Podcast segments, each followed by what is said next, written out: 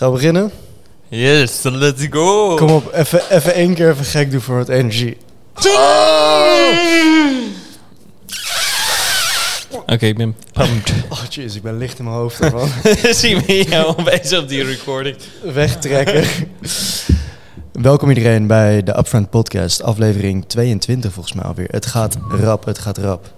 Ehm, ja, vandaag eh, staat tegenover mij eh, alleen Jelle. We missen Mark enorm. Die is eh, op vakantie in Tsjechië. Moet ook gebeuren. De beste man moet af en toe ook eens met vakantie. Precies, en moet ook kunnen, toch? Ja, want volgens mij de laatste keer dat Mark een dag vrij nam was, ehm, wat was het, februari toen hij naar Mexico ging. Ja. Toen heeft hij wel meteen goed vrijgenomen. Toen heeft hij goed vrijgenomen. Eh, nou ja, althans, dat, dat zeg jij wel. Maar toen Mark daar aankwam, toen eh, kreeg hij corona van jou. Eh, de- ik weet niet eens hoe ik corona heb gehad.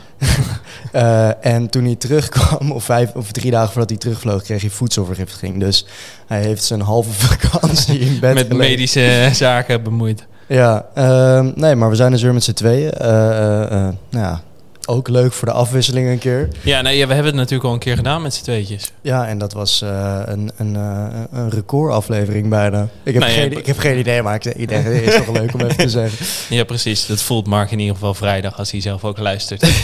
Als hij gaat luisteren. Maar goed, ehm, ja, er is eh, deze week echt ontzettend veel gebeurd in Upfrontland. Ehm ja, met eh, als hoogtepunt eigenlijk iets wat zich deze ochtend heeft eh, afgespeeld. Het is vandaag eh, woensdagmiddag. En dat is dat we gekeurd zijn door de NVWA. Dus de, de NVWA kwam langs. En ik denk dat, ja, we gaan het daar uitvoerig over hebben. Maar ik denk eerst dat het belangrijk is om even de, de vaste, vaste zaken te bespreken. Precies. Wat is er gebeurd met welke dingen wij beloven ook? Ja, precies. Want we, we hebben nu de belofte gemaakt dat we een challenge gaan doen. En eh, nou, Mark heeft eh, de vorige challenge niet echt succesvol, heeft hij niet echt succesvol aan meegedaan. Ja. Eh, en vorige week heb ik, en dat was trouwens de challenge dat we tape over onze mond plakten tijdens het slapen. ja. En toen heb ik de challenge voorgesteld om elke ochtend te stretchen, omdat ik aangaf dat dat voor mij echt ja, wonderen werkt.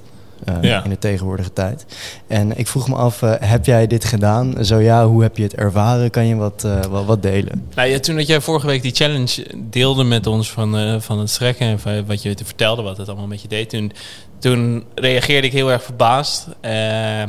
Dat, nou, ik keek er ook wel weer naar uit om, om weer een nieuwe challenge aan te gaan. Maar het was eigenlijk ook wel iets wat ik in het verleden ook wel eens heb gedaan. Mm. Iedere ochtend. En, en eigenlijk heb ik dezelfde ervaring weer met dat stretchen gehad. Is dat eh, als je, het, als je het niet doet, dan zit je bijvoorbeeld bij het ontbijt, zit je heftig te gapen, rek je je uit. En eigenlijk die stappen, die, die heb je een soort van gehad. Mm. Eh, en je ziet het ook vaak wel bij dieren, als zij net wakker worden, dan rekken die zichzelf ook eventjes op. Die, Ja, nu je het zegt, ja, what the fuck, inderdaad. dus ik, ik kan me wel iets bij voorstellen dat het, dat het iets is waar, waar we op een gekke manier toch behoefte aan hebben. Ik vind het ook gewoon lekker. Het is, eh, ik, ga, ik moet het ook gewoon vol gaan houden. Mhm. Eh, wat ik merkte is dat... dat vond ik het makkelijke van dat tape. Was gewoon een stukje tape op je mond en je hoefde er verder helemaal niets voor te doen. Nee, je En moest nu- gewoon je ogen dicht doen en vooral niet meer bewegen. Ja, precies. Dat, daar hield het eigenlijk op met jouw eigen verantwoordelijkheden rondom eh, de challenge. En nu was het wel iets waar je, waar je 's ochtends bij moest stilstaan. Van, oh ja, ik moet niet alweer alles hebben gedaan en dan pas het schetsje gaan doen, dat het zo'n moedje wordt. Ja. Ehm, dus dat, eh, daardoor heb ik hem wel een paar keer gemist. Mm. Eh, omdat ik dan gewoon al te veel. Ik probeer zo vaak of zoveel mogelijk eigenlijk 's ochtends te sporten voor Mhm. werk. Ja. Eh, en dat betekent dat ik dan om zes uur ongeveer opsta en eh, eigenlijk die routines allemaal doorga van zo simpel als eh tanden poetsen en ontbijten, maar ook naar Ja. werk. Ik moet een half uur naar werk fietsen.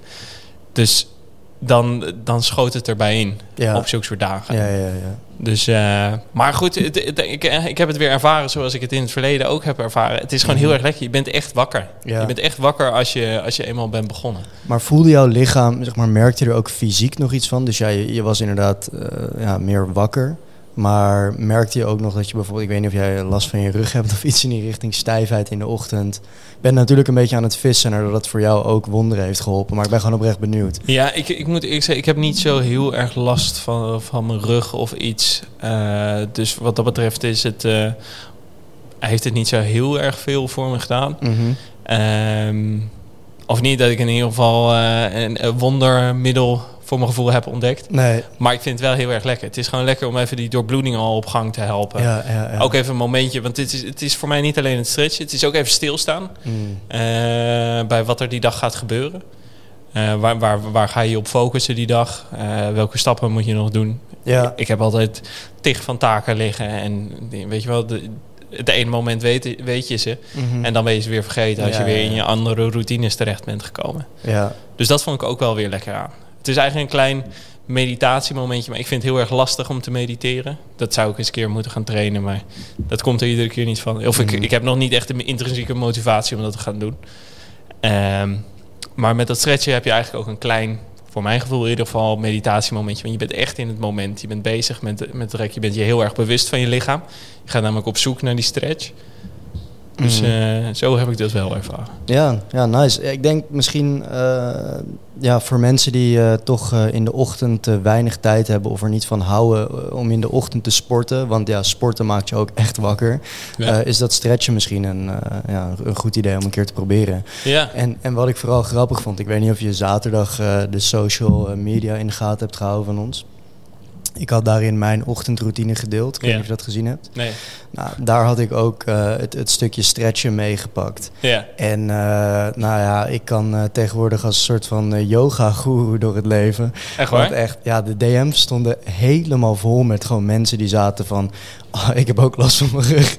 kan, je, eh, kan je die stretchroutine delen? Maar ik voelde me niet echt heel comfortabel om eh, ja, die routine te, delen. Want eh, pretenderen. Nee, want ik, ik, ik zei ook al van ja, ik heb hier helemaal geen verstand van. Ik zou ook niet weten hoe die oefeningen heten. Maar iedereen bleef maar zeg maar namen insturen van oh, dat is die oefening, dat is die oefening. Toen heb ik toch even een half uurtje gepakt om even die routine uiteen te zetten. Ja. Met wel echt een flinke disclaimer van joh, ik Dit heb is gewoon hier, wat werkt voor mij. ja, en ik heb eh, hier echt helemaal geen verstand van. wat grappig is, ja, dat, dat is het bizarre. Want wij, wij maken natuurlijk deze podcast en dan komen er vaak van die snippets eigenlijk uit die podcast komen Mhm. online. En Ja. daar reageren mensen altijd op. Eh, op welke manier dan ook wel direct in de reacties of in DM's. Mhm. En eh, ja, al die disclaimers moet je dan opeens ook weer opnieuw gaan maken. Ja, van. Die je eigenlijk al tijdens die podcast hebt gedaan. Ja. Ja, nee, dus eh, ik... eh, nou, als ik Maar wel denk- leuk. Ja, leuk om te horen dat er zoveel mensen ook enthousiast en ook Leuk om te horen dat zoveel mensen last van hun rug hebben. ja. Maar wat ik, wat ik tof vind eraan, en dat vond ik met die tape eh, en deze ook, het is gewoon gratis. ja, Eh, het kost um, een klein beetje van je tijd. En misschien is het de tape was onwennig. Misschien stretchen, dat kost even wat van je tijd. Maar eigenlijk ook bijna niet. Ik weet niet of ik die vijf minuten heb gehaald. Mhm. Eh, maar je voelt ook wel wat lekker was en wat niet. ja. En Want, want die tape, dat doe jij nog steeds? Ik, eh, niet eh, iedere avond, maar zo af en toe wel, ja. Oké. Ja, ik heb het weer geprobeerd. Ik zei vorige week dat ik het weer ging proberen. En eh, voor mij werkt het niet goed. Ik kan heel slecht slapen. En ik werd ook een keer wakker zonder die tape. Dus die heb ik toch... Verloren in... ja, dus ehm, ik heb besloten op basis van mijn drie keer proberen... dat ik het gewoon links laat liggen. Ik, dat je eh, laat voor wat het is. Ja, ik slaap over het algemeen gewoon best wel goed, heb ik het idee. Ja, ja nee, ik, ja, ik, vind- ik blijf het wel grappig vinden. En ik heb zoiets van, ja... Ik voel me er, eh, voel me er prima bij. Ja, maar, maar eh, oké, dus de challenge stretchen eh, eh, completed. Ja, Wat, eh, en die, die, hou, die ga ik erin houden. Nice. Dat, eh, die ga ik meenemen. Wat ik, eh, dat vind ik ook wel lekker eraan. Het zijn van die kleine dingetjes. En je hoeft maar eigenlijk één ding even te hebben waar je je mee bezighoudt. Ja, Ehm en ik ben erg fan dus, wat ik daarnet al zei, van die gratis eh, challenges. ja, ja, ja. Ehm, dus daarom heb ik eigenlijk ook... Ik weet niet of, de- of, of ik dat al mag doen. Ja, maar ik- zeker, ja. bij mij lag nu weer de verantwoordelijkheid voor de volgende challenge. Absoluut. Eigenlijk bij Mark, maar Mark is er natuurlijk niet, zoals we zojuist zeiden. Ehm, wat, wat voor mij, dat heb ik eigenlijk in dezelfde periode gedaan als dat stretchen, eh, waar, waar ik zojuist naar refereerde. En dat was ehm, 's ochtends eigenlijk drie punten opschrijven eh, die ik die dag wilde afsluiten. Mm. Dus eh, ik, zei, ik ontbijt iedere ochtend. Dus ik heb echt een moment dat ik even stil zit. eh, dat ik een kopje koffie drink, eh, een glas water en mijn ontbijt verder eet. Dus dat is ook een prima moment om eventjes stil te staan bij wat die dag gaat doen. Mm. Eh, ik, ik, dat voelde ik al tijdens dat stretchen, dat ik daar even bij stil kan staan. Maar gewoon echt even opschrijven van... hey, deze dingen wil ik vandaag gewoon gedaan hebben. En dat kan klein zijn. Dat kan bijvoorbeeld, weet ik veel wat... belasting. eh, nou, misschien is dat wel groot voor sommige mensen. Maar eh, je, van zulke soort punten. Mhm. Belastingaangifte, die moet vandaag bijvoorbeeld aangemeld zijn. Brief moet op de post gedaan worden. Ja, En dit moet gedaan. Maar ik moet eh, deze vriend weer eens bellen voor, om te vragen hoe het met hem gaat. Het kan alle kanten. Het hoeft niet alleen maar professioneel te zijn, maar het kan ook sociaal, groot, klein. Maar gewoon dat je aan het begin van je dag soort van even wat betekenis aan je dag geeft. Ja, en, en, en ik moest er weer opnieuw aan denken, want ik, ik ben er op een gegeven moment mee gestopt. Dus voor mij wordt het ook weer een eerste moment dat ik het, eh, of dat ik het weer ga oppakken. Mhm.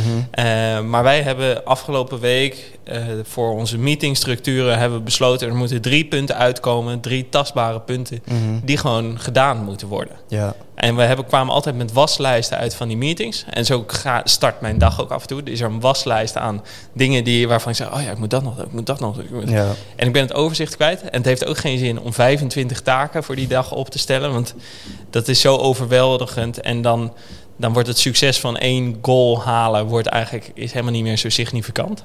Op zo'n op zo'n lijst, zo'n Mhm. waslijst.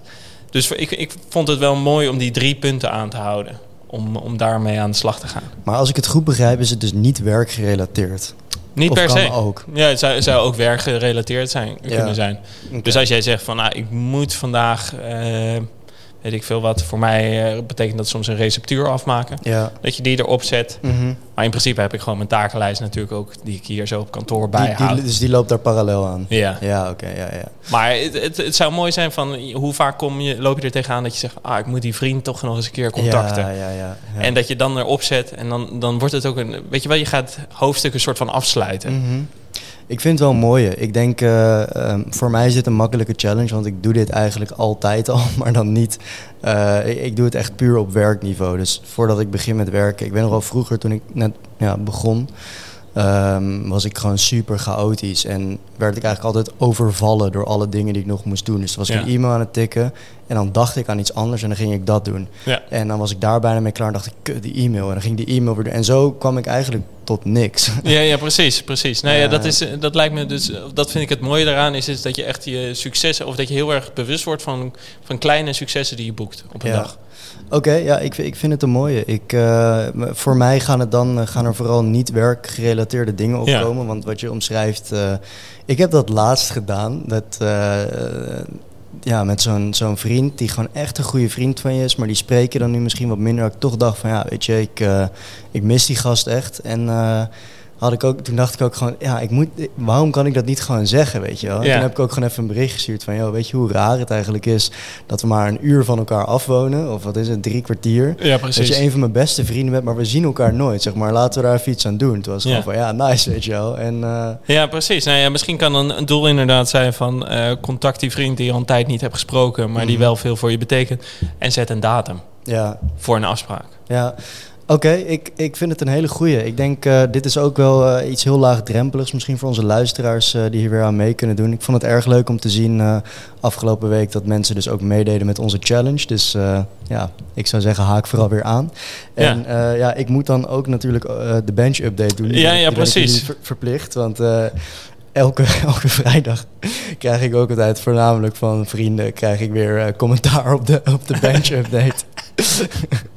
en eh, ja, deze week eh, is helaas niet zo goed gegaan. Ik heb eh, Oh shit. 85, vorige keer was het 83 keer 4 en deze keer was het 85 keer 2. Oh, Eh, maar wat is er gebeurd met jouw minimum van vier? Ja, ik dacht dat ik 85 wel keer 4 kon drukken, maar het is helaas niet gelukt. Ik weet niet echt wat het was. Ik ja, was, gewoon, was gewoon zwaar. ik deed echt mijn best, en, Ja. maar het, het kwam er niet van. Wat wordt nu de vervolgstap? Ga je weer terug naar die 83? Nee, ik denk ook, eh, ik had niet zo goed geslapen de dag daarvoor. En ik had, ehm, die zondag had ik gewakeboard. En eh, nou, jij kent het wel van dat waterskiën, zeg maar. Mijn nek, ik, ik, kon, Ja. ik kon nauwelijks meer bewegen. Dus ik was sowieso gewoon een beetje stroef. Dus ik denk gewoon dat die 85 keer 4 gaat volgende week, eh, moet die gewoon vallen. En wanneer kom je weer op dat punt dat je zegt van... oké, ik ga die 4 even uitbreiden. Ik blijf even hangen bij 85, maar ik ga eh, 85 keer 6. Of heb je nu gewoon te pusherige mensen om je heen staan? Ja, die- misschien wel. Ja, weet je wat is? Als ik heel eerlijk ben en ik dacht net ga ik dat zeggen, want ze luisteren ook. Dat zeg maar hiervoor volgde ik een eh, heel erg door mezelf uitgedacht schema. Wat Ja. ik, ik ben altijd heel erg van ik doe mijn eigen research en dat volg ik ook op. En toen ging, ging het zeg maar heel erg goed en heel erg volgens plan. En nu nu is echt het is ontzettend leuk. Elke dinsdagochtend gymmen we dan met, uh, ja, met z'n allen. En het is echt een soort apenhul, zeg maar. Die mensen in de gym die nemen ons echt 0,0 serieus. Want we zijn nu een beetje dat groepje van 16-jarigen in de basic fit... Ja, die de halve avond die benchpress bezet, bezet houdt, weet je wel.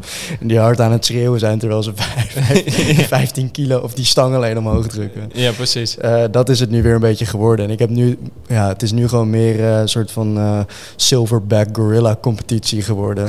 Ehm, dus ik moet even kijken. Ik dacht, ik ga volgende week gewoon nog even meedoen. Misschien was het gewoon één keer dat ik even iets minder presteerde. Maar anders ga ik gewoon eh, ja, weer. Weer terug naar je eigen plan. Ja, precies. Eh, want ik vind het ook ergens wel een beetje jammer dat ik dat niet opvolg. Maar ik wil ook de boys niet teleurstellen. Ja, ja, ja, tu- tuurlijk. Er is altijd een beetje dat groepsdruk eh, Ja. gevoel. Ja, nee, precies. Dus ehm, eh, eh, lieve luisteraars, ik ga jullie niet teleurstellen. Die 100 kilo gaat vallen. Ja, ik doe echt mijn best. Jullie zouden dus weten, elke avond, jongen. Dus, dus eh, oké. Ik moet gewoon best wel veel eten nu. En ja, ik eet dan nu eh, nou, 2800 à 3000 calorieën per dag. En ja, sommige mensen komen daar heel makkelijk aan. Ehm, als je dus echt dingen als taart gaat, gaat eten en zo. Maar ik eet Mhm. denk ik wel gewoon best wel bewust. En het is toch wel echt knap lastig af en toe om aan die calorieën te komen. Dus gisteravond zat ik echt pas op, eh, op 2000. En het was, ja, wat was het? Kwart voor tien s'avonds. Ja. Ja, dan eh, eet ik nog een half pak cashewnoten weg en eh, ontzettend veel kwark met allemaal crustie er doorheen. Dan lig je dus in bed en dan denk je gewoon echt, oh joh, waarom, ja, dat is niet goed, hè? waarom dat is- doe ik dit? Nou ja, dat is natuurlijk wel het grote punt. We hebben dat vaker al aangehaald hier in de podcast. Van hoe zit dat nou met dat intermittent fasting Mhm. en dergelijke. Doordat jij je ontbijt zo lang uitstelt, ja, is dat dus een van de risico's.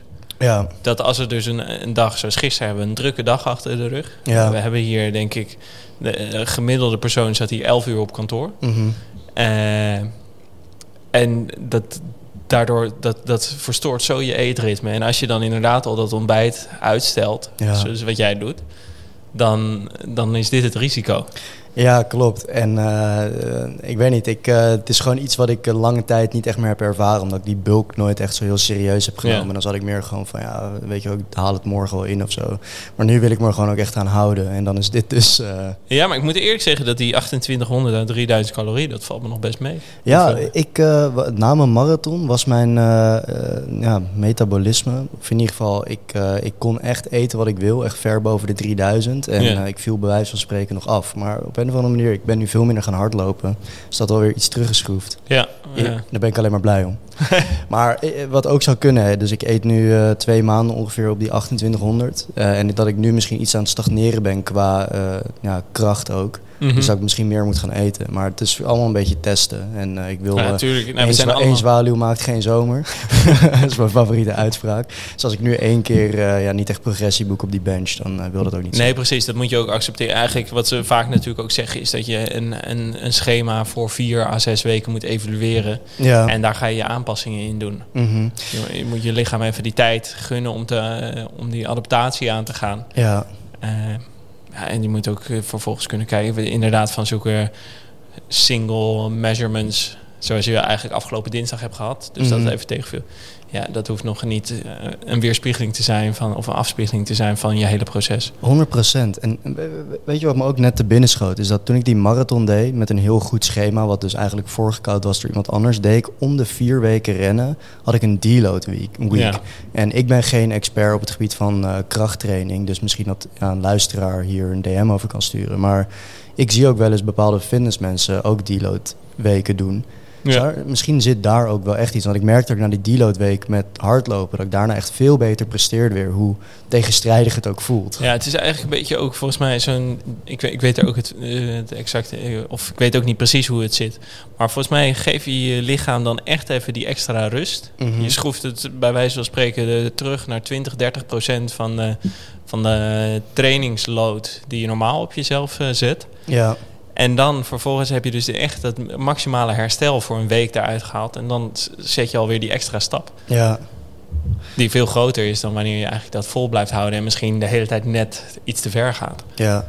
Ja, dus misschien, uh, misschien zit daar ook iets. Maar in ieder geval uh, passen en meten, we gaan het zien. Ja, uh, ja voordat dit een soort van bro-podcast wordt over ja, gym en vroeg opstaan, stretchen. Laten we doorgaan naar ja, het, het hoofdonderwerp eigenlijk van de afgelopen twee weken hier op kantoor. De NVWA-keuring. Allereerst ja, Jelle en, en Sophie en Daan en Nick, die zich hier voornamelijk mee bezig hebben gehouden. Voor mij, zeg maar, als je bedenkt dat twee jaar geleden dat wij nog in dat kleine kantoortje zaten. Dat mhm. alles moest zelf gedaan worden. Dat ik me hier bijna niet mee heb hoeven bemoeien. Of eigenlijk gewoon, ja, ik was gewoon niet echt nodig. Ja. was voor mij echt, ik zat gewoon echt van wauw, weet je wel. Dit is echt, zeg maar, we begroeien als bedrijf. Dat nu gewoon het productteam en het logistiekteam gewoon dit oppakt. Ja, Terwijl het zoiets groots is. Ja, grappig is dat eigenlijk. Hè? Dat inderdaad die, dat, uh, als je kijkt naar ons marketingteam die is gewoon door kunnen gaan met al zijn bezigheden. Uh, wij vanuit product en logistiek hebben wel de werkzaamheden ietsjes moeten terugschroeven. Mhm. Om alles, uh, allemaal, alles eigenlijk in orde te brengen. Zorgen dat het bij elkaar staat, dat het overzichtelijk is. En dat wij daadwerkelijk ook de juiste documenten kunnen tonen. Ja.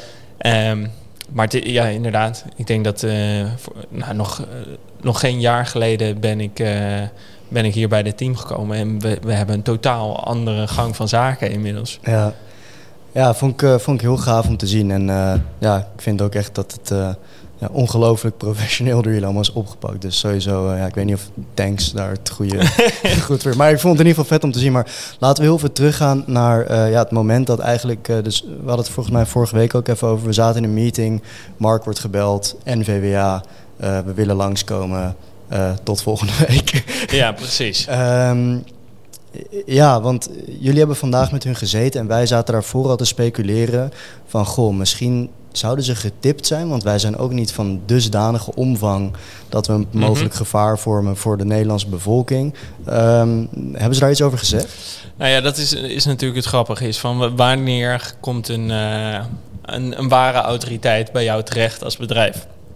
Er zijn gigantisch veel bedrijven in Nederland. En er zijn ook ontzettend veel bedrijven die producten leveren. Levensmiddelen of gewoon producten die wij uh, gebruiken als een, uh, een bidon. Mm -hmm. Zou ik maar even als voorbeeld geven. Ja.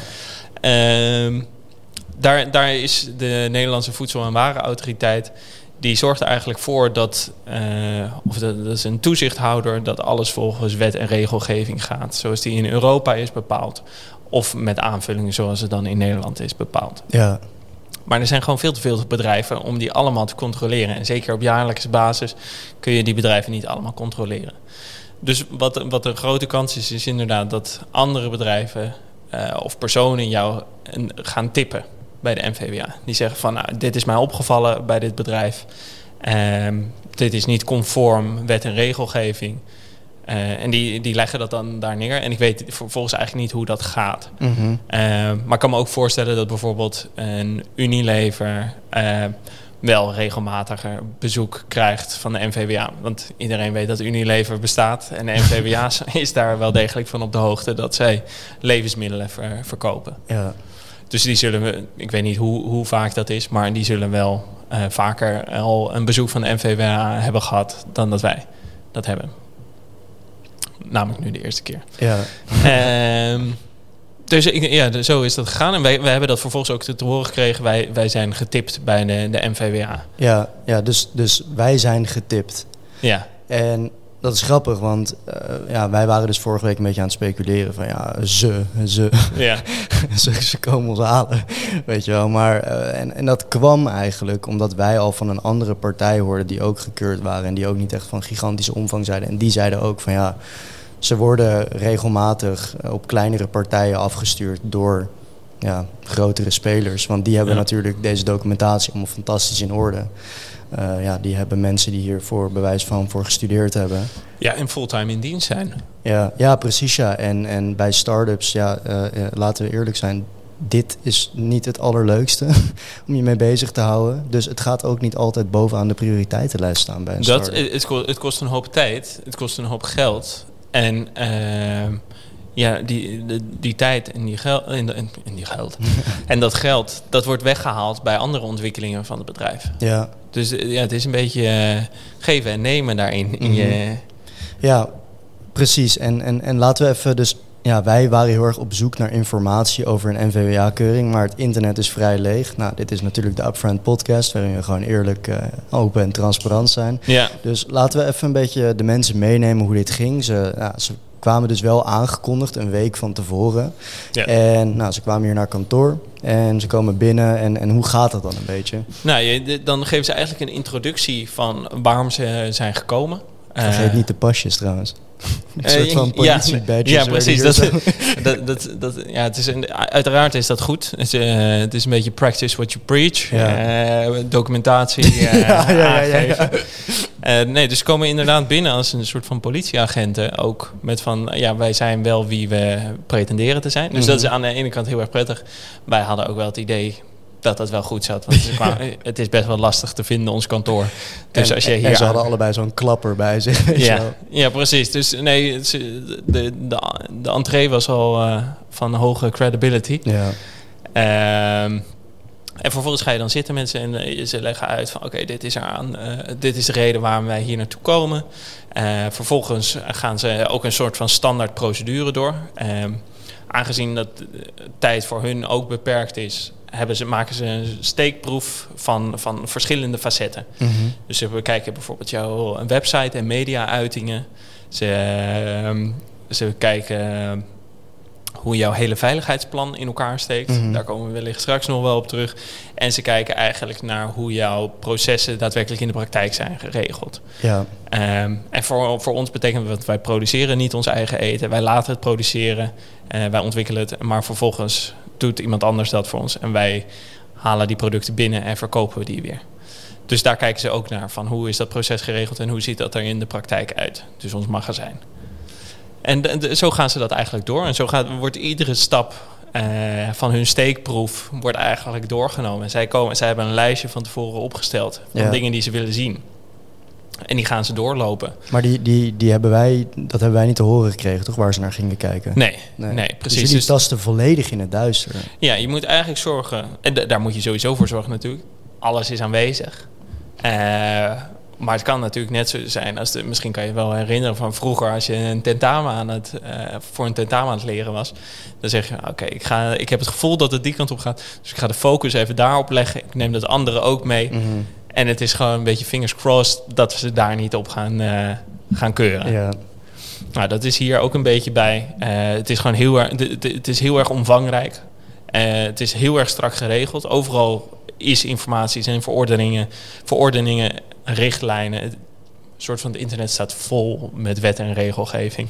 En je moet zelf gaan uitzoeken wat is wel van mij van toepassing en wat niet.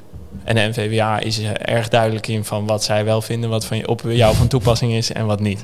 ja, want kunnen we ook delen met de luisteraars waarop ze dan getipt waren? Of Eh, Ja, ja, zeker, tuurlijk. We, zijn up front, dus ook in, Mhm. in, eh, in eh, niet alleen de pieken, maar ook in Ja. onze dalen. Wij hebben altijd onze, we, we hebben al best wel een lange tijd hebben een energy drink.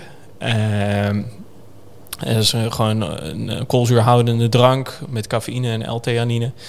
En op het moment, we, we hebben het hier regelmatig over E-nummers. Die staan natuurlijk op de verpakking. Eh, dat hebben wij ook staan op de verpakking. Maar je geeft ook aan wat voor een additief het is. Mhm. Dus eh, stel dat het een kleurstof is, geef je het eerst aan op je verpakking. Het is een kleurstof en dit is de kleurstof die we hebben toegevoegd. En dat kan of een E-nummer zijn, of je, dat kan het volledig uitgeschreven naam van dat ingrediënt zijn. Ja. En dat moet je ook met zoetstoffen doen. Dus bij, in ons geval vaak sucralose. En zo werkt dat. En wij hebben dat toen vervolgens met een additief citroenzuur, hebben we dat niet gedaan. We hebben er niet bij gezet dat het een, eh, volgens mij is het een zuurteregulator. Ja, ja. Ehm, dat hebben we er niet voor staan. Mhm. Dus we hebben wel het ingrediënt. Maar volgens wet en regelgeving ben je ook verplicht om aan te geven wat de reden is. Of waarom, voor welke functie dat additief is toegevoegd. Ja, het is vrij ironisch dat wij zeg maar pleiten voor trans transparante en duidelijke verpakking. En dat wij dan, eh, ja, zelfs wij dan eh, ook zo'n fout maken. Want voor ons, ehm, ja, eerlijk gezegd, maakt het ons niet heel veel uit of, het wel of, niet, of we dat wel of niet op de verpakking zetten. Eh, Het is voor ons om het even, want we staan achter de ingrediënten die we gebruiken. Ja. Maar het is toch gewoon ja, een beetje een onwetend slash slordigheidsfoutje geweest. Wat kan ik ook eerlijk in zijn, wat ik destijds heb gemaakt. Ehm, ja, het was uh, bijna anderhalf jaar geleden. Nou ja, dat, dat is, is het punt. Hè? je neemt eigenlijk door een, een uh, productie of, uh, of in ieder geval het verhandelen van producten en in ons geval levensmiddelen onder eigen naam, een enorme verantwoordelijkheid op jezelf. Mm Of leg je op jezelf. En, en dat, is, dat is aan de ene kant heel erg tof. Je kan het helemaal naar je eigen hand zetten, het hele systeem. Of hoe jij vindt dat het systeem eruit moet komen te zien. Je moet ook af en toe op de blaren dus zitten. Zoals we vandaag even hebben gezeten. Mm -hmm. uh, op het moment dat je dus niet volledig voldoet aan de wet en regelgeving. Ja, ja want kunnen we daar nog even iets, iets verder op doorgaan? Is, uh, nou ja, ze kwamen dus initieel voor die energy ja. en de zuurteregelaar die er niet op stond. Uh, maar dat is niet het enige waar ze commentaar op hadden. Ja, precies. Dus dan vervolgens wat ik zo, zojuist al zei. Ze gaan, ze gaan kijken eigenlijk, ze, ze nemen een steekproef van wat voor een producten je verkoopt. En dan gaan ze kijken van is dit wel conform wet en regelgeving. Dus ze gaan voornamelijk kijken naar de etiketten, claims die daaromheen worden gemaakt. En zoals ik je ook al zojuist al zei, alles is strak geregeld. Dus er is er nergens ruimte voor interpretatie. Uh, wat goed is, want dat maakt het wel heel erg makkelijk en, uh, en consequent. Mm -hmm. um, uh, vervolgens kwamen we op het punt, ze zeiden van nou, die zuurteregelaar, oké, okay, mooi. En wij konden ook aangeven van wij, we zijn hiermee bezig. Onze nieuwe label designs houden hier al rekening mee. Ja. Uh, dus dat was ook een soort van. Ja, wat, wat we ook continu zeggen, wij willen, het ook, we willen uiteindelijk hetzelfde. Mm -hmm. We willen uh, kunnen aangeven dat wij voedselveilige producten leveren aan onze consumenten. Ja. Dus we zijn continu aan het verbeteren daarin. Uh, maar vervolgens kwamen we bij de pre-workout. Pre-workout, hartstikke tof product, wat we natuurlijk aan het begin van dit jaar hebben geïntroduceerd. actieve ingrediënten, uh, en wij hebben daar toen best wel veel onderzoek naar gedaan. Dat hebben we gedaan door de literatuur in te duiken, maar dat hebben we ook gedaan door middel van testen doen, vergelijken met andere producten. Wat werkt voor ons wel, wat werkt voor ons niet. En eigenlijk, wij hebben daar een, een serie aan studies gebruikt voor, voor eigenlijk de onderbouwing van dat product. En dat hebben wij ook op de website gezet. We hebben eigenlijk een soort van de bevindingen van die studies met referentie naar die studie hebben bij onze ingrediënten gezegd. En dat mag niet. Want wij, mogen, wij zijn eigenlijk niet degene die beoordelen of een, of een studie goed is of niet goed is. Uh, wij zijn niet degene die mogen bepalen of een bepaalde claim of een bepaalde functie aan een ingrediënt mag worden gegeven of niet. En dat is op zich prettig. Uh, vandaag bijvoorbeeld tijdens lunch gaf ik het voorbeeld van... stel dat wij bij eiwitten gaan zetten dat je er 10 centimeter langer van wordt... bij het, consu dagelijks consumeren van eiwitten als wij dat ergens in één studie vinden dat dat zo is, maar we weten allemaal dat het niet zo is, dan, dan gaan we een beetje cherrypicken rondom onderzoeken. En, en is, het, is het eigenlijk een beetje. Uh... Ja, ik snap wat je bedoelt. ja, dat, selectief. Het is selectief en dan, dan, dan kan iedereen dat gaan doen. Dan kan iedereen een studie vinden, zoals wij ook vaak uh, de discussie aangaan met mensen van ja, maar dit is één studie en daar is de opzet misschien niet zo goed van geweest. En, en nu wordt, wordt jouw hele conclusie een mening gebaseerd op die ene mm. studie. Nou hebben wij daar wel rekening mee gehouden door verzamelstudies te gebruiken. Dus meta-analyses. Dat zijn de meest betrouwbare studies, toch? Of je hebt ook meta-analyses van meta-analyses, dat is zeg maar nou ja, het is natuurlijk uh, het is nog beter als, als er bijvoorbeeld een instantie wat gebeurt met EFSA, die mm. dat allemaal met elkaar combineert. Die kijkt ja. naar die verschillende meta-analyses en maakt daar een gedegen uh, conclusie, trekt die daaruit. Ja. Uh, maar inderdaad, een meta-analyse staat eigenlijk bovenaan in de, de piramide van bewijskracht. Ja. Um, ja, nee, duidelijk. Ja, dus eigenlijk, sorry, want ik ben niet helemaal tot het punt gekomen. ik ben lang aan het praten voordat ik bij een punt kom. Is, is dat dus, wij hebben studies waar, waar meta-analyses of reviews, uh, waar, wij, uh, waar wij de conclusies van uit hebben genomen. En die hebben wij op de website bij ingrediëntomschrijvingen geplaatst. En eigenlijk doordat wij zeggen van dit is de conclusie, die was positief voor, bepaal, of voor, voor eigenlijk ingrediënten. En dat zorgt ervoor dat je indirect een claim maakt. Of direct. Dat is een beetje voor interpretatie of je direct of indirect. Maar dat mag niet. Je mag eigenlijk alleen maar claims gebruiken die al door EFSA zijn goedgekeurd. En die kun je weer vinden in een, in een claims database. En zo zijn er verschillende claims die je mag maken. Uh, ja. Ja, toen je dat aan mij vertelde uh, vandaag, toen, uh, ja, ik vond dat best wel lastig. Want ik kan me voorstellen dat de EFSA, um, ik vind het goed dat er zo'n controlerend orgaan is, maar ik kan me voorstellen dat de EFSA best wel langzaam is. En die heeft dus ook ja, heel erg, die heeft heel veel conclusies nodig om zelf een conclusie te trekken. Mhm. Waardoor het ontzettend lang kan duren als er bijvoorbeeld geïnnoveerd wordt voordat een bedrijf daar ook echt mee te koop kan lopen, als je begrijpt wat ik bedoel. Ja, dat je, dat je iets waar je, waar je zo enthousiast over bent, of een bepaalde karakteristiek van je product. Mhm. En omdat die niet is onderbouwd door EFSA of goed is gekeurd door EFSA, kan je vervolgens uh, eigenlijk niet zeggen wat je wil zeggen. Ja, precies. En, en, en ja, wij doen dan enorm veel research naar zo'n product en doen het echt. Ja, uh, we gebruiken ja, de, de beste studies die wij in ieder geval konden vinden. en ja, dan mogen we daar dus niks over zeggen. En het cruwe eraan vind ik, is wij liggen natuurlijk nu ook onder de loop. Dus wij kunnen nooit meer uh, uh, ja, als we echt zeg maar iets wat heel een hele recente ontwikkeling uh, is geweest, ja. als we daar iets mee doen, kunnen we daar nooit meer iets zinnigs over zeggen. Want wij liggen onder de loop, terwijl een ander bedrijf wat nog niet is getipt, ja. dat, of dat de NVWA bij hun is komen kijken, die kan dat wel doen. Waardoor dus eigenlijk altijd heel erg achter gaat lopen nu.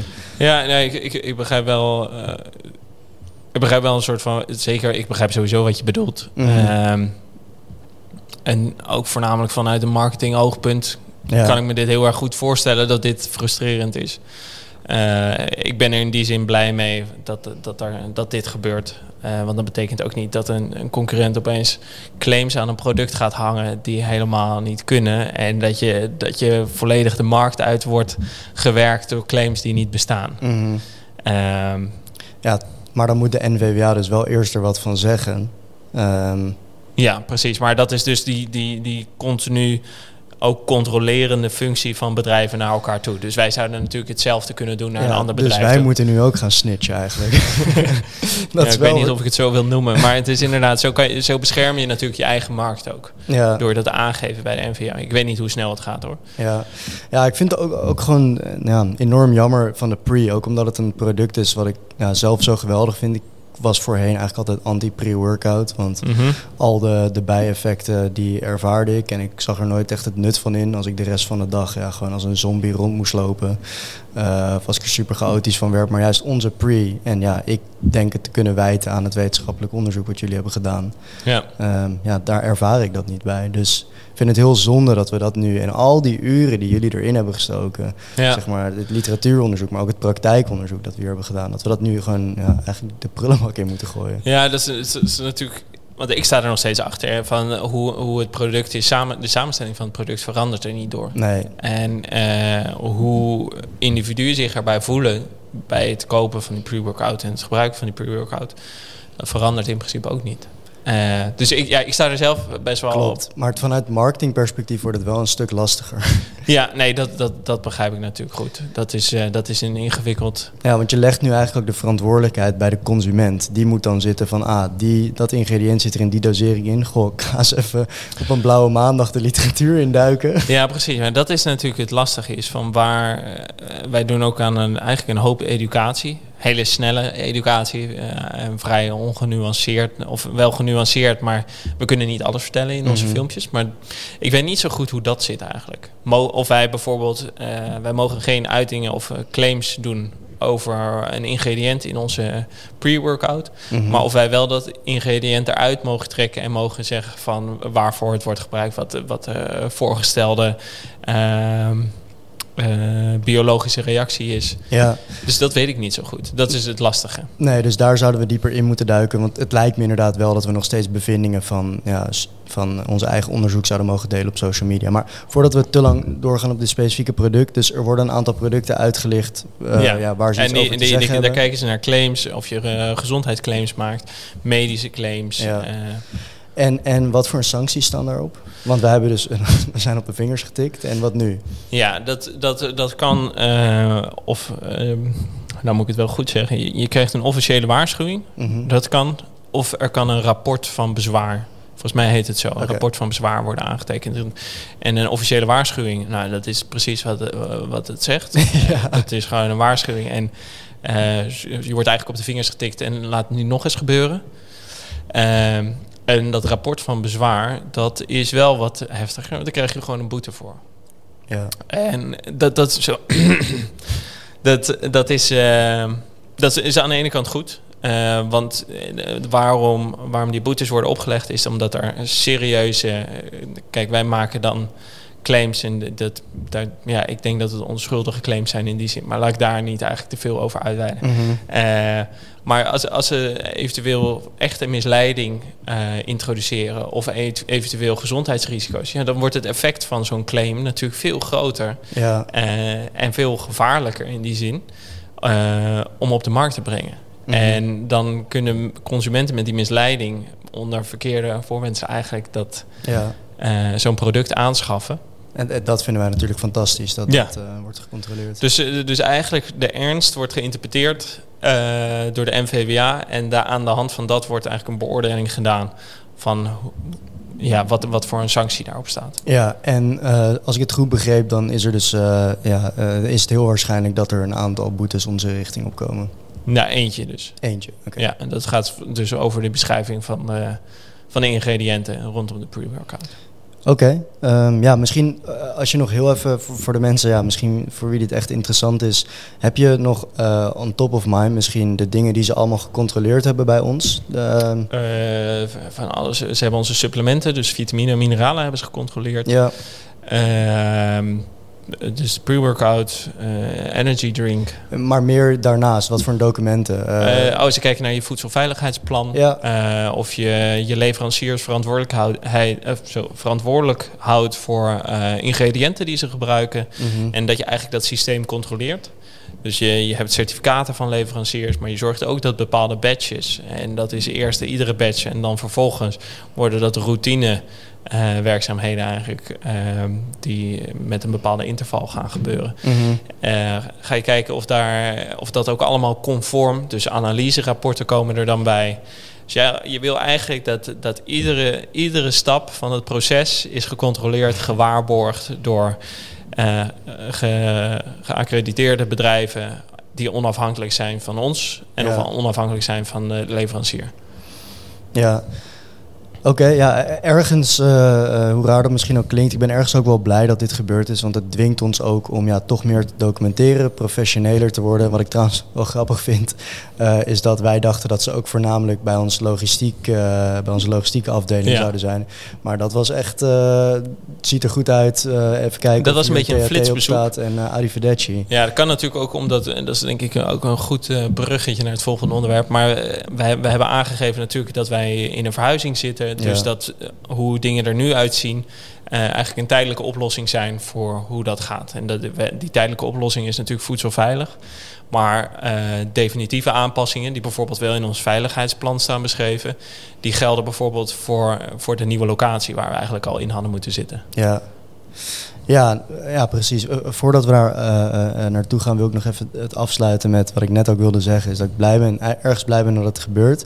Maar ik vind het ook ergens wel moeilijk dat wij nu echt, ja, nu al in dit stadium volgens dezelfde regels gaan spelen als Ja. echt de grote jongens. Terwijl wij echt, eh, ja, in het eh, gering. eh, Ja, dat is het grappige, hè? is dat, je, dat voor jou exact dezelfde regels gelden als iemand anders die, die misschien wereldwijd producten laat produceren en, en uitlevert. Ja. Ja, dus eh, tot zover de NVWA. En eh, ja, to be continued. Want we Ja. komen over drie maanden terug. En eh, dan is het geen gratis bezoek. Nee, maar daar komen we denk ik nog wel een keer op terug hoe dat zit. Oké, nou ja, goed. zoals Jelle net zei... eh, ehm, volgens mij hebben we het vorige week ook heel veel gehad over onze nieuwe loods... waar we in principe in zouden gaan, maar dat de huurders er niet uit wilden. Nou, we hebben bericht gekregen dat ze ja, aanstaande vrijdag eruit zijn. En ja, ik kan niet omschrijven eh, hoe vet en blij, hoe vet ik het vind en blij ik ben dat we daar naartoe gaan. Want wat een stap wordt dit weer voor ons. Zeker. Nou, als, je, als je kijkt naar eh, wat ik, eh, wat ik al eerder zei, deze podcast, nog geen jaar geleden ben ik hierbij gekomen. Ja, Toen deden we nog geen logistiek zelf. Toen zijn we van, van nou, op sommige dagen tien pakketjes die we op een dag zelf moesten inpakken. En dat was met Mark, Sophie, Nick, jij en ik. Mhm. En, en langzaam is dat zo doorgegroeid. En nu zijn, hoeven we eigenlijk in principe nooit meer pakketjes in te pakken. Komt er een loods waar pakketjes in gepakt gaan worden, waar onze producten staan. Ja. Waar, waar ja, het, ga- het gaat er gewoon zo tof uitzien. Mhm. En dat begin, die, die start wordt gemaakt vrijdag. ja, absoluut. Moet ook natuurlijk nog even een shout-out naar Iris doen, die daar ook bij was. Ja, natuurlijk. Ja. Je, je bent niet vergeten. Nee, het is, eh, het is eh, ja, geweldig. Van eh 50 vierkante meter naar eh, ja, bijna 200 vierkante meter. Nu gaan we naar 400 vierkante meter. Maar kunnen we ook de lucht in? Ja. Dus kunnen we, ja, Daan heeft net eh, eh, ja, stellingen besteld. Palletstellingen, als ik het goed zeg. Ja. En eh, ja, kunnen we dus 4 meter de lucht in. Dus eh, ja, dat, eh, dat gaat er echt heel tof uitzien. Ik ben ook heel excited om dat allemaal te delen op social. Ehm, Oké, ja, voor deze podcast-episode dacht jij dat het misschien leuk zou zijn om een keer niet vragen vanuit de community aan jou. Maar, Ja, precies. Om het eens een keer anders te doen. En het zijn niet direct vragen vanuit de community aan jou of aan Mark. Maar het zijn gewoon vragen die vanuit mij zijn ontstaan. Want ik ben, ik ben heel erg specifiek op een stukje bezig hier binnen het bedrijf. Natuurlijk valt dat, eh, bemoei ik me best wel met veel stappen. Maar het is hoofdzakelijk product. Mhm. En dan eigenlijk zo min mogelijk met marketing. ja. En nou was ik eigenlijk benieuwd. Van, niemand hier op kantoor heeft echt een marketingopleiding gedaan. En toch worden wij gebruikt, krijgen we af en toe DM's over. Dat, eh, dat studenten ons zien eh, op, in dia-slides van docenten. Dat Upfront als marketingbedrijf of met nieuwe marketingstrategieën en dergelijke. Hoe kan je, kan je een beetje vertellen, of in ieder geval aan mij uitleggen, van waar, waar komt dat vandaan? Dat, we, dat je nou, in een korte tijd zo'n toonaangevend marketingbedrijf eigenlijk bent geworden, zonder dat er daadwerkelijk opleidingen zijn geweest of heel veel marketingervaring er is. Ja. Ja, ik vind het een goede vraag en ik vind het ook moeilijk om te beantwoorden, omdat ik niet echt kan zeggen van, ja, ik heb eh, dit stappenplan gevolgd. Veel komt ook gewoon, ja, is gewoon een beetje zo gelopen. Ehm, en ik denk, ja, met marketing is gewoon, eigenlijk de key is zeg maar waarde bieden. Dus maak iets waar andere mensen iets aan hebben, want dan krijgen ze een beetje, Mhm. ja, dan vinden ze het tof wat je maakt, krijg je iets meer die gunfactor. En ik denk, wat, je, voor- wat, wat vooral het ding met marketing is, is, en daar lopen veel mensen tegenaan, is het, het doen. Ja. Ehm, je moet gewoon beginnen en je moet wegstrepen wat niet werkt. En voor elke tien dingen die, niet die niet werken, werkt er één ding. En dat is vaak, eh, mensen die zien nu grote socials, maar mensen zien niet die berichten eh, die allemaal eh, of verwijderd zijn of die nog helemaal onderaan onze Instagram staan. Al die posts die geen likes kregen, weet je wel, dat je Ja. voor het eerst voor de camera moet.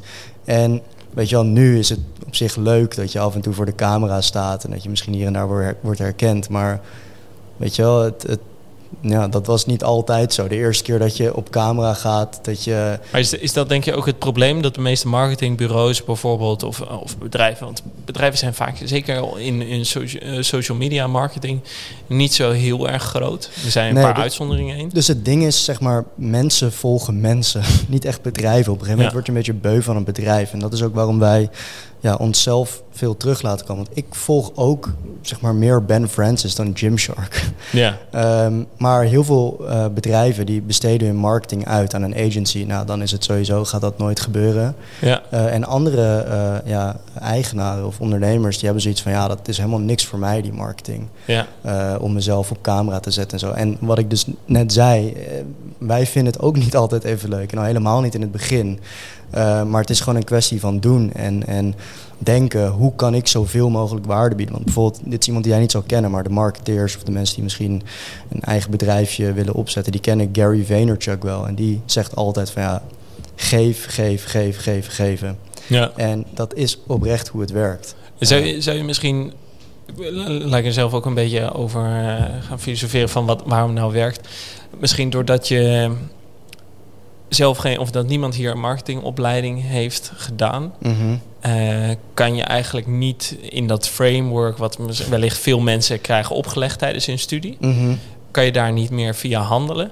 En dat je daardoor echt je eigen product, dat je eigenlijk dat, dat 13 in een dozijn, wat vanuit die marketingbureaus lijkt te komen, Ja. dat je dat doorbreekt. Omdat je, omdat je toch niet dat stappenplan volgt wat wellicht veel mensen hebben meegekregen vanuit de opleidingen. Ja, absoluut. Ik denk ook dat marketingopleidingen, nu, opleidingen, nu ga ik best wel generaliseren, want ik heb zelf ook een paar marketingvakken gevolgd en daarvan werd ik echt helemaal niet warm. Dat ging nog over tv-reclame en zo. Ja, ja. En ja, marketing is gewoon een beetje intuïtief. Vaak denken we in de ochtend, krijgen we een idee en werken we het uit. En ja, dan ziet het er niet perfect uit. Maar hoe tegenstrijdig het ook klinkt, vaak nu dingen, hoe lelijker het is, hoe beter het werkt. Ja. Uh, en dan kom je eigenlijk weer terug op gewoon doen. Ideetje, fuck het, we doen het gewoon. Ja, Uh, precies. We gaan gewoon. En, en zit hier waarde in voor een, uh, een persoon die het kijkt.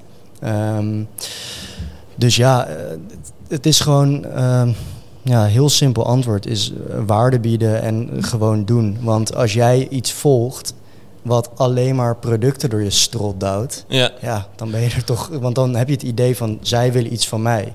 Ja. En bij Upfront, nou, nu zijn we ook wel de producten meer aan het pushen, maar soms zeg maar geven we zoveel dat zelfs daar mensen een beetje gek voor. Dat zit van ja. Ik heb wel genoeg informatie voor ja, ja, precies. Zeker aan het begin, wat we vaak terugkregen van... Het duurde eventjes voordat ik door had dat jullie ook dingen verkopen. Ja, ja en um, ja, het is ook gewoon kijken waar... Um, ja, het klinkt heel erg voor de hand liggend, maar waar de aandacht ligt. Dus uh, bijvoorbeeld als jij nu nog op Facebook bezig bent, ja... Um, dan heb je misschien wel de boot gemist. Al en misschien ook wel wel voor Instagram. Precies. En uh, weet je wel, de aandacht ligt nu op TikTok. Maar het is heel moeilijk om mensen te laten kopen via TikTok. Ja. Dus wat doe je dan? Is, nou, op TikTok heb je dus heel veel organisch bereik. Dus als jij iets post, dan wordt het niet alleen door je volgers gezien. Uh, maar ook gewoon door random mensen die aan het scrollen zijn. Dus wat je doet, is je maakt content waarin je waarde biedt. En aan het einde, het is echt een, een flinke easter egg. Of een, uh, een golden nugget, zoals ze dat nu weggeven. Dan plak je er een outro achter met volgens op Instagram. Ja. En al die mensen die jouw merk helemaal niet kennen, die zien die video en denken, hé, hey, dat is interessant, ik ga het ook eens op Instagram volgen. Het is eigenlijk een beetje een tweetrapsraket die, uh, die je tegenwoordig lijkt moeten maken. Ja, precies. En, en op, op Instagram Stories kan je juist heel goed je verhaal elke dag weer vertellen. En heb je dus die linken naar je website. Dus je zorgt dat je al die mensen op je Instagram krijgt en op story doe je de storytelling, push hier en daar een product ja. en converteer je mensen. Um, oh, dat is wel lachen. Ja. Maar wat, wat ik ook wel het gevoel heb als je, als je kijkt naar. Um, ik, ik ben zelf niet actief op TikTok. Uh, kijk wel met regelmaat op Instagram. Mm -hmm. Dan lijken bepaalde trends nou, soms, soms maar een week te duren. Dat er een week lang ja. is er een trend en dan is die alweer over en dan moet je alweer door. Ik kan me zomaar voorstellen dat als je iets door een marketingbureau laat doen, zij creëren geen trends, maar kopiëren natuurlijk bepaalde trends. En dat je daardoor altijd die boot mist. Want zo'n marketingcampagne is eigenlijk zelden tot nooit opgezet in een week. Mm -hmm, ja. Dus door, door iedere ochtend eigenlijk te kijken wat zijn trends. De dag het ontwikkelen en die avond het alweer eruit gooien. Mm -hmm. Kan ik me zo voorstellen dat je eigenlijk altijd meegaat in die flow van de trends. 100 procent, ja, 100 procent. Um, ja, en ik denk ook veel mensen die, uh, weet je wel, die zeggen marketing is niks voor mij. En ik had dat ook tegen je gezegd drie jaar geleden van ja, marketing, weet je wel, daar heb ik Mhm. geen zin in. Maar de grap is, um, wij hadden geen keus. Ja. Onze hele offline uh, afzet implodeerde. En we moesten dat product online gaan verkopen. Dus um, het was gewoon, uh, het was zeg maar do or die, weet je wel. Dus we Ja. hadden, het was niet van ja, ik werk bij een agency en ik kijk wel, ja, ik krijg toch wel betaald. Het was gewoon, oké, als we dit nu niet werkende krijgen, dan is het gewoon game over. Ja, precies. Dan is de, datgene waar je het eigenlijk voor bent begonnen, dat Mhm. product krijgt dan niet dat, die aandacht die het verdient. Ja. En, en als het niet die aandacht krijgt, dan kan je fluiten naar je investering Mhm. die je Ja. erin hebt gestoken. Ehm, maar als je, als je nu kijkt naar, eh, dat, daar ben ik ook wel meteen geïnteresseerd in. Als je kijkt naar hoe Upfront is gestart, dat is Mhm. offline geweest. Ja, Vervolgens zijn jullie geforceerd eh, om online verkopen te gaan doen. Hoe, wat, wat is een beetje jouw schatting? Denk je, denk je dat, dat Upfront succesvoller nu is eh, geworden doordat ze, de, dat Upfront is gepusht om online te gaan in plaats van offline?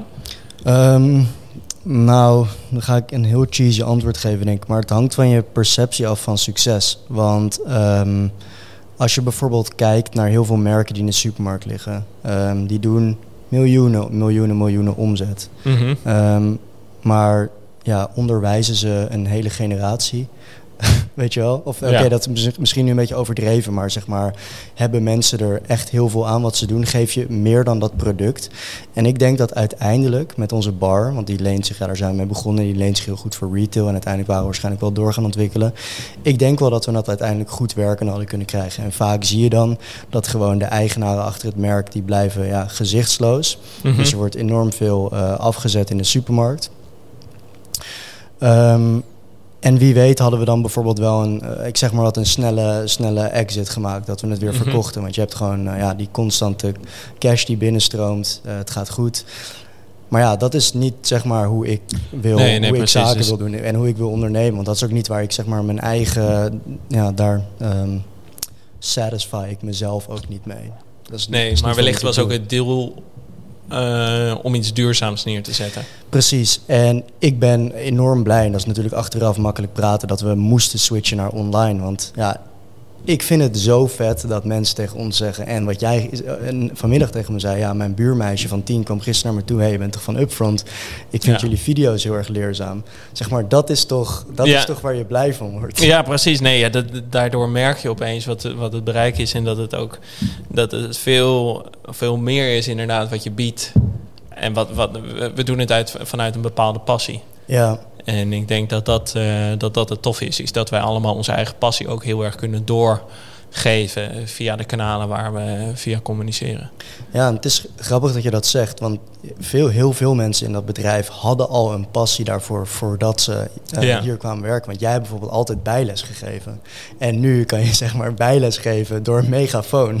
Ja, precies. Ja, wat zeker in het begin en nog steeds wel af en toe een beetje onwennig is. Mhm. Het is ook wel makkelijk om gewoon aan een keukentafel te zitten en, en je te focussen op dat hele kleine stukje en op één persoon. Ja. Maar het is inderdaad heel erg gaaf om te zien wat, eh, wat het effect ervan is. En ik vind ook, dat, dat wil ik wel meegeven, ik vind het ook heel erg leuk de mensen die, die juist kritischer zijn op filmpjes die wij maken. Mhm. Ik denk dat mensen dat vooral moeten doen. Ehm, Ja, zeker. Dus ik denk, was Upfront succesvoller geweest? Eh I don't know, misschien eh, hadden we meer omzet gedaan. Maar voor mij is dit, begint dit de richting op te gaan waarvan ik zit van... joh, eh, dit kan succesvol worden. Dat je gewoon eh, ja, echt je steentje bijdraagt aan de samenleving. ja, precies, op, op meerdere levels. Ja, en ik zit naar die klok te kijken en ik ben doodsbang. Want we zitten alweer bijna, we zitten al over de 50 minuten heen. Ja, er moet geknipt worden. dat, dat mag niet. maar dus, en we moeten nog een paar dingen behandelen. Ehm, yes, jij, eh, jij vertelde dat je verbaasd was. Ja, dat, je, dat je iets wilde vertellen. ja. Je hebt geen idee wat het is ook. Dus. Nee, ik, ik, heb, ik ben natuurlijk altijd bezig met ook kijken van hoe, hoe zit mijn dieet eruit? Kan het misschien nog wat beter? Eh, zie ik eens één keer in de zoveel tijd hou ik even bij van wat ik eet op een dag. Mhm. Kijk ook van hoe zit het dan met mijn, nou gewoon met, met de variëteit van, van mijn dieet. Ehm, en zo probeer ik vaak ook bij mijn ontbijt. Dat vind ik makkelijk. Dingen die je makkelijk kan toevoegen. Zoals de haverzemelen is daar, is daar een voorbeeld van. Maar ik voeg altijd ook eh, pitten en zaden toe. En nou kwam ik, eh, wat heel tof is bij de Albert Heijn. Je kan, kan daar kijken van eh, hoe je Nutri-score profiel eruit ziet. Mhm. Volgens mij van de afgelopen 30 dagen. Dan kan je zien van wat je hebt gekocht en Oh, welke... in, je in je app. Ja, en dan kan je zien van ah, zo heb je het gedaan. Zoveel procent kwam uit de Nutri-score A en zoveel eh, uit de andere letters. En tot mijn verbazing, pompoenpitten, hè, om, eh, noten, eh, noten, zaden en pitten wordt altijd eh, aangegeven. Is belangrijk voor je, is, bevalt binnen de schijf van vijf. is onderdeel van een gezonde leefstijl. Mhm. Nutri-score D. Gewoon niet geroosterde, ongezouten pompoenpitten. Die, die ik in een kleine hoeveelheid over mijn ontbijt heen gooi. Nutri-score D. Ja. Ja, er zitten zoveel haken en ogen aan hele We, hebben het natuurlijk al een keer besproken. En dat was toen, toen ik jij in Vietnam zat. En ja, ik kan me er gewoon over frustreren. Want je ziet het wel. Je, er staat gewoon Nutri-score D op, op zo'n verpakking. eh, Mhm. Of eh, online. En, en dat is gewoon zo ontzettend zonde. Omdat het een enorme toevoeging is aan iemands dieet. Ja. En, en, en toch krijg je het voor elkaar om eigenlijk mensen ermee van, van te weren Mhm. door die Nutri-score. Ja, het is. eh, ik, ik vind het jammer dat we dit nu aanslaan, zo een beetje tegen het einde. Maar dit is. eh, de- ja, er zijn tientallen van dit soort voorbeelden. Ja. Waar echt je broek van afzakt. Dat je zit van, hé, maar. Hoe Ja. dan? Ja, maar voor, voornamelijk, kijk, we hebben veel van zulke soort producten ook, maar dat zijn dan toch vaak nog eh, verwerkte producten. Eh, Maar dit is gewoon een onverwerkt product. Het is gewoon een rauw product. Ja, Een pompoenpit. ja bizar. Ja, dit is, dit is toch idioot? Ja. Ik kan, ik, ja, ik, ik kan, ik kan nou, ik ben niet echt boos om worden. Nou ja, ik baal er wel gewoon van. Ja, Ja, eerlijk gezegd, ik, ik baal er wel van. Het, het houdt me al een tijdje bezig. Maar voel je ook dom dat jij nu Nutri-Score D-producten naar binnen werkt? Eh, nee, maar het, het werkt dus wel op je.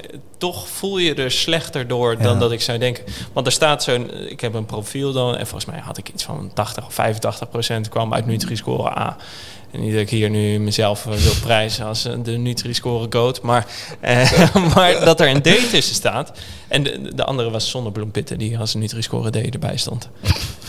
Ook rauwe, niet gezouten zonnebloempitten. Ja, Allebei, ja, het is ongelooflijk. Maar ja, het, het werkt wel op je emotie. Dus Ik voor het. gewone consumenten, ik kan er doorheen prikken, ook al doet het dus wel wat met me. Maar voor een gewone consument, een leek die door de supermarkt heen loopt, is het gewoon zo ontzettend zonde dat dit eh, mogelijk, eh, of dat dit zeer waarschijnlijk invloed heeft op iemands keuzeproces. Ja, ik ben sowieso benieuwd hoe deze hele Nutri-score zich gaat ontwikkelen. Want er wordt nu echt overal vanuit de industrie echt ontzettend veel tegengas gegeven. Dus Ja, nou ja, goed. Ik, eh, ja, we, we blijven het in de gaten houden. precies. Ik, eh, ik, ik wilde ook nog iets delen. En eh, ja, ik weet niet echt of het een misleider is. Maar ja, ik weet ook niet waar ik hem anders onder zou moeten scharen. Maar ik heb hier in mijn handen heb ik Oreo's. Lekker. En ik wil niet echt, ehm, ik ga niet te diep in op die Oreo's, of nou misschien wel, maar ik was ooit een boek aan het lezen en dat heette Salt Sugar Fat. En in Salt Sugar Fat hebben ze het over iets en dat heet de bliss point. Oké. Ehm, ja, heb je er ooit van gehoord? Nee, nee, zeg maar Nou, niet. wat de bliss point dus is, is als er een bepaalde hoeveelheid zout, eh, suiker en vet in een product zit, dat precies op een bepaalde manier eh, gedoseerd is. Dat soort van al je zintuigen op hol slaan en dat je daardoor dopamine afgeeft. Dus het, het- het is gewoon een soort van gekke huis opeens met eh, sensorisch gezien. Ja, precies ja. En, en, en dopamine, dat is dat reward gevoel. Ehm, Mhm. ja, hoe noem je dat in het Nederlands? Nee, ja, je- het- het- gewoon geluk. Beloning. Ja, beloning. Beloning, geluk. En dat zorgt er dus voor dat jouw hersenen zitten van... hé, hey, hier zit iets, dit, dit vind ik fijn, eh, hier wil ik meer van. Ja. En heel vaak hoor ik van mensen van... hé, hey, ja, weet je, als je zo'n zak chips opentrekt... of zo'n zak Oreo's of zo'n zak M&M's of zo... dan kan ik niet stoppen met eten. En Ja. dat is dus wat ze het bliss point noemen. En nu gaan we een beetje op gekkie terrein, maar ze... ze zeggen dus dat uh, ja, door echt de grote foodbedrijven... dat hier miljoenen aan R&D in wordt geïnvesteerd... en enorme testen worden opgezet. Dat mensen echt dat ze gaan kijken ook of die dopamine dus wordt uh, afgegeven. Dat is bizar, hè? Ja. Um, en, en, en in dit boek wordt Oreo's aangehaald als voorbeeld. Ja. Nou, ik kan me zo voorstellen dat het ook bij, bij de grote chipsbedrijven is. Want daar, ik kan echt niet stoppen als ik chips eet. Ja, precies. Uh, nee, daar, gaan, daar, gaan, daar kan je bijna niet groot genoeg handen eigenlijk in je mond stoppen. Precies. En, en uh, is misschien een beetje een, een, een uh, te gegeneraliseerde of te overdreven vergelijking. Maar weet je, als je... Nou, tabak, dat is verslavend. Maar dat geeft ook, als je een sigaret rookt, ook maak je dopamine vrij. Ja. Waardoor je dus, als je bijvoorbeeld sigaretten ziet, denk je... hé, hey, ik heb weer zin in een sigaret. En dit zou dus hetzelfde werken, dat als je langs het schap loopt... en je ziet weer dat product waar je vorige keer dus door de bliss point... die dopamine afgift van had, zit je weer Ja. van... ah, weet je wel, dat je echt een soort van verslaving hebt richting dat product. Dat is, uh, dat is heel bizar. Want, maar maar ik, ik kan me er ook, en dat is wel, dus wel een beetje gek terrein... maar ik kan me er wel iets bij voorstellen. Stel je voor, je hebt een, als bedrijf heb je één product...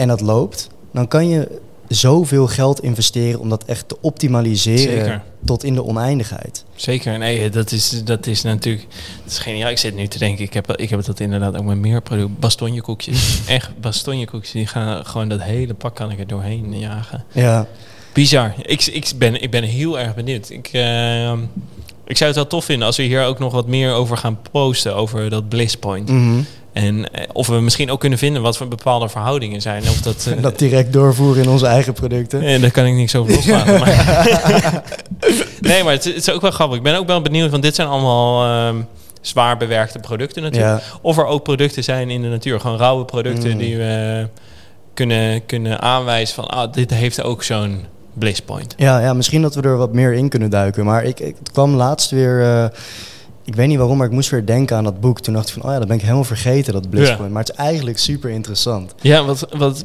bizar. zeg. Nou, ik ga zo meteen wel een Oreo koekje eh, even pakken. Kijken of het begint te Of je, of je kan stoppen. ja, precies. Ehm, ja, en ik denk, voordat ik hem afsluit, zou ik nog één, eh, eh, ja, één, één dingetje erin willen gooien. En dat is, nou, wij vinden dat wij echt de beste vegan protein powder op de markt hebben. Daar zijn zoveel uren aan research en development ingegaan. En nou, jullie zijn dan nu bezig met die nieuwe aroma's. En ik denk dat eh, de we dachten eerst altijd onze vegan protein powder is geweldig. Maar nu hebben jullie dus een blauwe bessen vegan eiwitpoeder op de markt Mhm. gebracht. Met natuurlijk blauwe besaroma. Dus betekent dat 95% van het aroma vindt zijn oorsprong echt in de blauwe bes. Ja. Nou, mensen die proeven, proeven dat product en die zitten echt... Hoe is het mogelijk? Ja. Eh, hij is ook eh, helaas alweer uitverkocht. Die gaat, we kunnen hem niet aanslepen, zo snel gaat hij. Nou, ik, ik, eh, dat is, eh, het is wel bizar. Eh, wat voor, wij hebben een hele lange tijd geleden hebben wij voor het eerst dat aroma geproefd. Mhm. Eh, ik moet een kleine, het is een soort van 95% komt inderdaad uit het daadwerkelijke product van, van de aroma componenten. Mhm. Dus dat is, eh, dat is heel erg tof en dat, dat maakt het voor ons ook een stuk transparanter in Ja. die zin van wat, er- wat is er nou aan de hand.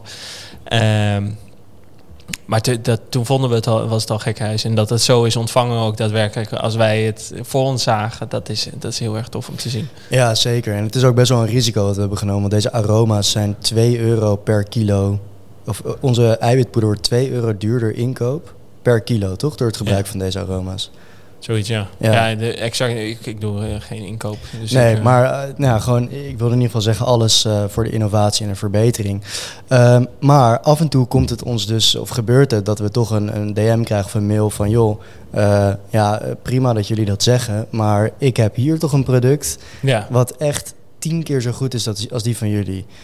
En, en elke keer gaan er dan een beetje zitten we van, oké, ja, weet je wel, ik wil dat absoluut even ontdekken en bestellen. zeker. En het is nu voor de tweede keer gebeurd dat iemand een, een vegan eiwitpoeder aan ons doorgeeft, waarvan het echt veel beter zou zijn dat we het bestellen. En het is veel beter. Het is eh, dan, dat, we, dat we echt denken, het is echt honderd keer beter. En dat het bijna zo goed is dat we denken van, goh, dit ziet eruit als melkpoeder. Het ruikt naar melkpoeder en het smaakt naar melkpoeder. Nou ja, vooral is het. eh, kijk, wij, wat je zegt aan het begin van we doen een hele hoop onderzoek. Dus we weten ook van heel veel dingen. Door, door van, van alles te proberen met onze leverancier van wat kunnen wij doen. eh, kom je er ook steeds meer achter van wat is er nou echt niet mogelijk. Wat, Ja. zijn, wat zijn knoppen waar we tot een bepaalde max aan hebben kunnen draaien. En ik, ik ben er heilig van overtuigd dat wij altijd kunnen verbeteren. En dat, dat zullen we ook altijd nastreven. Maar sommige dingen die we proeven, is het, ja, zou je zeggen van dat is een beetje de- wetten van de, de vegan protein tarten. Ja, en wij, wij kijken altijd van, oké, weet je wel, we- het eerste wat we doen is de ingrediëntenlijst doorspitten. Van. Is er een ingrediënt gebruikt waar, waar wij gewoon niet aan hebben gedacht? Ja, Nou, dat is nooit het geval. Of althans, er staan vaak heel veel ingrediënten in die we niet kennen. Of in ieder geval die eh, niet zouden bijdragen aan waarom het product beter zou zijn. Ja.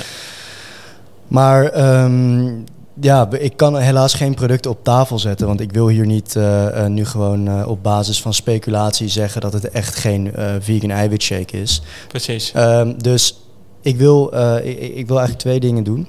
Ik wil allereerst wil ik die producten naar het lab sturen.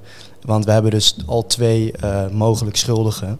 Eh, maar ik dacht, misschien eh, ja, zitten er bij de luisteraars, zijn er ook luisteraars die ja, een soort gelijke ervaring hebben gehad. Met bijvoorbeeld een vegan product waarvan ze zitten van, hé, hey, dit kan toch niet vegan zijn? Ja, of dat mensen zeggen van deze, deze gaat zo ver, is zoveel beter dan alle andere vergelijkbare producten in de markt. Ja. Stuur het ook naar ons door. Wij, wij, wij zijn, wij, nogmaals, wij willen altijd innoveren. En we zijn dus altijd op zoek ook naar zoeken, Ja, ja, toch een klein beetje gossips.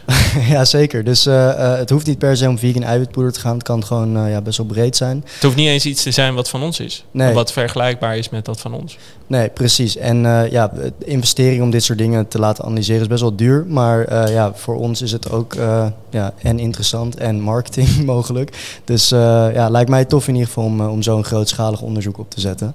Ja. Ehm, en ik denk ook, Jelle, dat we hem eh, moeten afsluiten. En we zijn, vrees ik, voor het eerst in de historie over het uur heen gegaan. Ja, precies. Ja, dat Eh, krijg je ervan hè, als je de controle van markt niet eh, Ja, ja, ja, aan de andere kant van de tafel hebt staan. Ja, en nou, volgens de data, of in, in principe wat ik heb gelezen, zouden nu veel minder mensen op de podcast gaan klikken. Dus hopelijk, um, om nog- dat een beetje te compenseren, lieve luisteraars, kunnen jullie deze podcast doorsturen naar vrienden en familie. om dat goed te maken. Als je het een leuke podcast vond, tenmin- tenminste. Nice. Daarnaast, eh, ja, we hebben het eigenlijk deze podcast best veel gehad over onze eigen producten. Maar mocht je nog op zoek zijn naar functionele voeding, gemaakt door een ja, jong bedrijf, wat binnenkort ook NVWA geregistreerd is en tussen, tussen de grote spelers bevindt, ehm, check eens upfront.nl. Je euro gaat direct eh, naar de mogelijke boets van de NVWA. nee, eh, alle grappen terzijde, dankjewel voor het luisteren en tot volgende week. Yes, dankjewel.